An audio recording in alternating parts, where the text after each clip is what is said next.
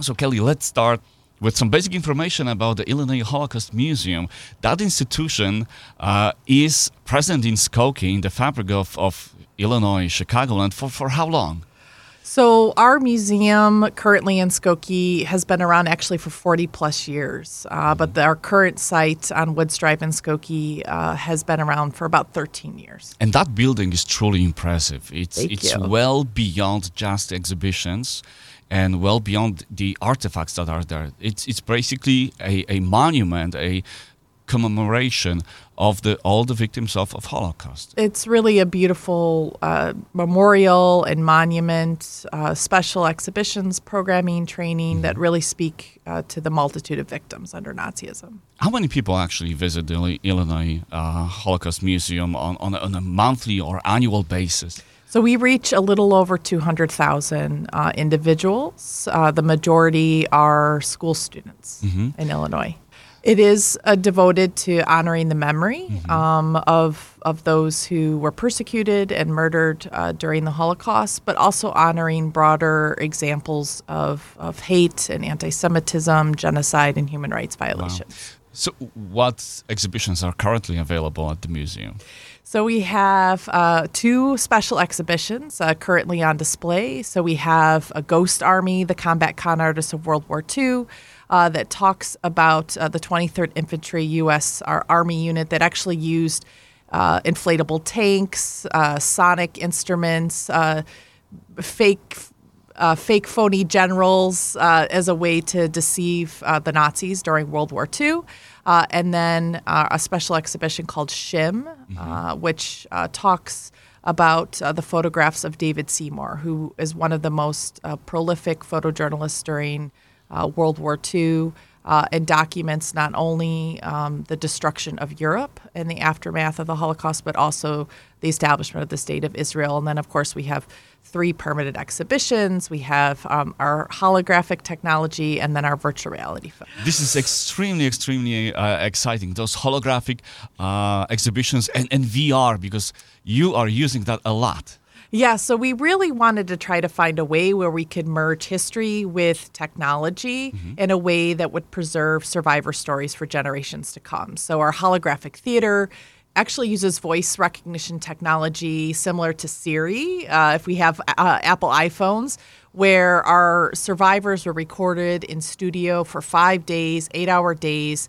Uh, and and you can actually have a conversation, ask We can questions. actually talk to them and you ask can actually talk to them uh, through a facilitated conversation.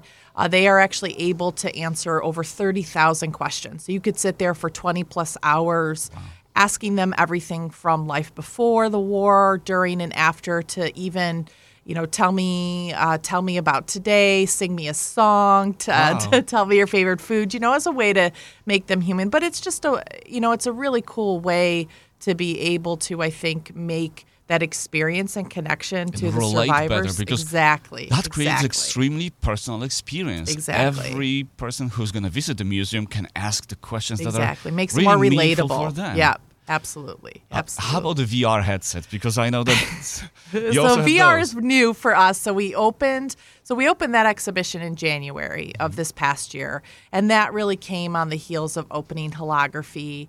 Uh, and our survivors uh, not only saying, okay, what's next, right? We have to do more, but how could we bring our experience to the sites where these atrocities took place? Um, so we use 360 degree, um, what's called photogrammetry uh, filmmaking, which is essentially the taking of hundreds of photographs and stitching that together. Technology beyond my understanding. Um, but the ability to put on a virtual reality headset, uh, we can do eight people at a time at the museum, and to actually be able to go up to the sites of former concentration camps like Auschwitz, uh, Mauthausen, Ebensee uh, in Austria with our survivors as they recount their experiences at those sites. It is truly a 21st century museum. We're trying to be. We're trying to be. Yeah. Um, unfortunately, a lot of these atrocities, a lot of crimes of Holocaust happen on Polish soil, and Polish exhibitions are happening once uh, every now and then at the museum. I still remember a couple of years ago, exhibition of photographs taken at the Łódź uh, ghetto mm-hmm. by a Polish photographer. Could you mention some of those, some of those Polish traces that happened that were displayed at the museum? Jan Karski presentation. Yeah, so uh, for oh, well over the past 13 years that we've opened the museum. Uh, we feel it's important in order to be able to truly tell the full scope and breadth of this narrative of the Holocaust um, and occupation under Nazism that we have to integrate the story um, of what happened in Poland into the Polish people, both Jews and non Jews. Um, and so, with that, we also use um, our special exhibitions or traveling mm-hmm. exhibits that come. You mentioned a few. So, whether that be a story that talks about the incredible upstander Jan Karski, yeah. Um, who really tried to scream truth to the world about what the crimes were taking place under Nazism, um, to a few years ago, Memory Unearthed, which was the story um, of a Polish Jewish uh, photographer in the Łódź ghetto uh, who clandestinely was documenting the crimes that were taking place uh, in the ghetto or even in our core Holocaust exhibition, uh, working uh, to be able to integrate the story of Polish victims under Nazism as well. And one of the reasons we're talking is uh, the, the, Illinois Holocaust Museum is, is looking forward uh, to launching a new project. We're going to be reaching out to you, our listeners, with, with help in, in gathering information, gathering some artifacts perhaps that you have currently at home, but might be of extreme historical value to the museum. Sure. So we're really excited about this campaign, and we hope your listeners are as well. So yeah. uh, it's our Midwest Artifact Collecting campaign, and when we were building the museum years ago, we really focused on. Uh, the Jewish community in Illinois, and now we we have this opportunity. We really recognize, you know, we're moving further away from this history survivors or even second generation or eyewitnesses to this history are disappearing. And so we are launching um, an artifact collecting campaign where we're also really looking to uh, talk about uh, non-Jewish victims of the of the Holocaust and uh, Nazi occupation, not only in the state of Illinois but the surrounding uh, the surrounding Midwest. Uh, and as you said, you know, I think whether it's photographs or documents or um, uh, clothing or furniture, yeah. you know, what you may not think, you're like, oh, I'm not really sure. Call us, ask us, because I bet you it's something that, you know, could fit into another story um, that's an important piece that we need to tell to kind of complete the narrative. And those artifacts, yes, they're precious to us, to our families, but very often they just stay locked in, in some drawers or in some cabinets. And we look at them once a year, twice right. a year, maybe. Uh, at the museum, they would be at the forefront, and, and they would be focal point of, of a bigger exhibition, bigger project. They would tell much bigger story. You know, while we can't guarantee that every object mm-hmm. will be displayed, it could eventually be integrated because, as any good stewards of yeah. history, um, in our collection, we have to rotate our objects the objects donated could eventually become part of a special exhibition, an online exhibition. The goal, of course, also being able to digitize those objects so that they're accessible to scholars and researchers and historians.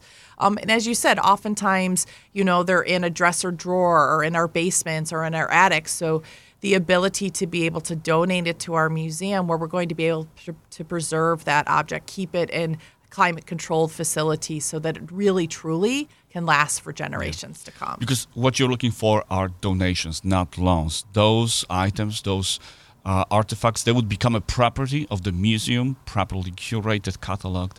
Right. In an ideal world, we would love to to have it be uh, a part of a permanent donation mm-hmm. of our collection.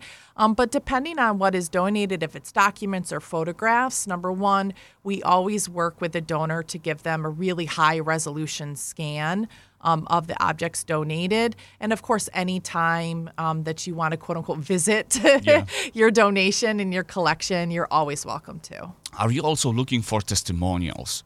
Uh, yes, should it be just question. physical objects or accounts of what happened? Absolutely looking for accounts. I think that that is, you know, in many ways, part goes in ha- hand in hand with the mm-hmm. artifacts and beyond. To be able to, while we can, capture those stories of anyone um, whether it's first generation or even second generation, where their parent or grandparent or aunt and uncle um, who experienced Nazism has a story to share. We want to be able to document that and add that to our collection. Perfect. When that collection process will happen, if, if, if our listeners do have artifacts like that, artifacts that tell the stories of, of Holocaust happening on Polish soil, when will you be ready to start talking to those people? We are actively collecting now. Mm-hmm. The, the official campaign um, into the Polish American community here will probably begin at the first of the year, awesome. but we're an active collecting institution. So if you're ready, um, to donate or you're interested in sharing your story or wondering, hey, what do I have in the in the drawer? Would this yes. be of interest?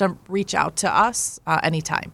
How do they do that? Do they go to the website? So Let's they can either there. go to our website, which is ilholocaustmuseum.org. They can email us at artifacts at ilhmec.org, or they can call us at 847 967 4817 perfect. Let's come back to the museum because yeah. uh, I want to give some basic information for people who have never visited that museum before. How to p- prepare, what to expect, how much time will be needed. So, give us the Illinois Holocaust Museum 101.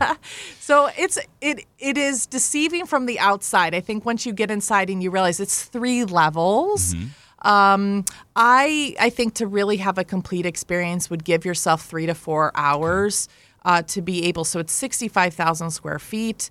Uh, we have a 10,000 square foot core exhibition that within itself you could spend hours uh, in. Uh, we have uh, two special uh, exhibition areas. We have the hologram, we have VR, uh, we have our Take a Stand Center, and even for our younger visitors. So if you're a family and you have younger visitors, perhaps under the age of 12, we actually have an exhibition um, our Harvey L. Miller Family Youth Exhibitions that, that that's designed for younger visitors that mm-hmm. maybe it's too difficult or too much to go into the core exhibit, but where you can learn those uh, lessons about humanity yes. and human and civil rights that are just as important. I'm really excited to, to share and more to come. This summer, uh, the museum is actually going to be um, displaying our first ever dual language English and Polish uh, exhibition at the museum uh, this summer, our special exhibition that will be in our uh, big uh, special exhibit space on the lower level of the museum. It's called The Girl in the Diary, mm-hmm. Uh, which tells the story of Rivka, uh, who's a survivor of the Holocaust, multiple camps. Um, it's coming to us from the Galicia Museum yeah. uh, in Poland, which is an incredible institution. Um, but it will be the first time ever that the museum has uh, displayed a dual language exhibition in both Polish and English. And so that should open uh, in May of next year and will run throughout the summer. So more to come on that. We're Wonderful. excited. Wow. Yeah, we're excited. Um, one more question about the touring the museum. Self-guided tours are standard, or can we have like a tour guide, somebody who's going to walk both. us? You could do both. So self-guided. I mean, the, the museum does a really good job to be able to go through on your own. We mm-hmm. actually also have an audio tour that you can um, download onto your phone, whether Android or Apple. Uh, we have docent led tours at 2 p.m. Um, every day. Uh, so it's really up to the comfort of the visitor. So you don't have to live in Skokie. You can live anywhere, and it's a tour well worth taking to go there and, and see Illinois Holocaust Museum. Unfortunately, uh, it is a part of human history that will stay with us forever and it's a huge lesson to be learned for the future generations so if you have never been please go illinois holocaust museum and education center Thank you so much. Thank um, you for um, having me. Really Kelly appreciate Szany. Uh, you are the Vice President of Education and Exhibitions. Yes, the heart mm-hmm. of the museum. I love it. All the content side of the house. Yes. Thank you for visiting us. And we promise that we'll come back to the subject because once the collection of those artifacts that we mentioned will start full swing, uh, letting you know much more what we, what we were able to find and, and the stories that, that are behind those artifacts. Please do. Please have me back. Thank you so much. Thank you. Redakcja Dziennika Związkowego w Radiu 103.1 FM.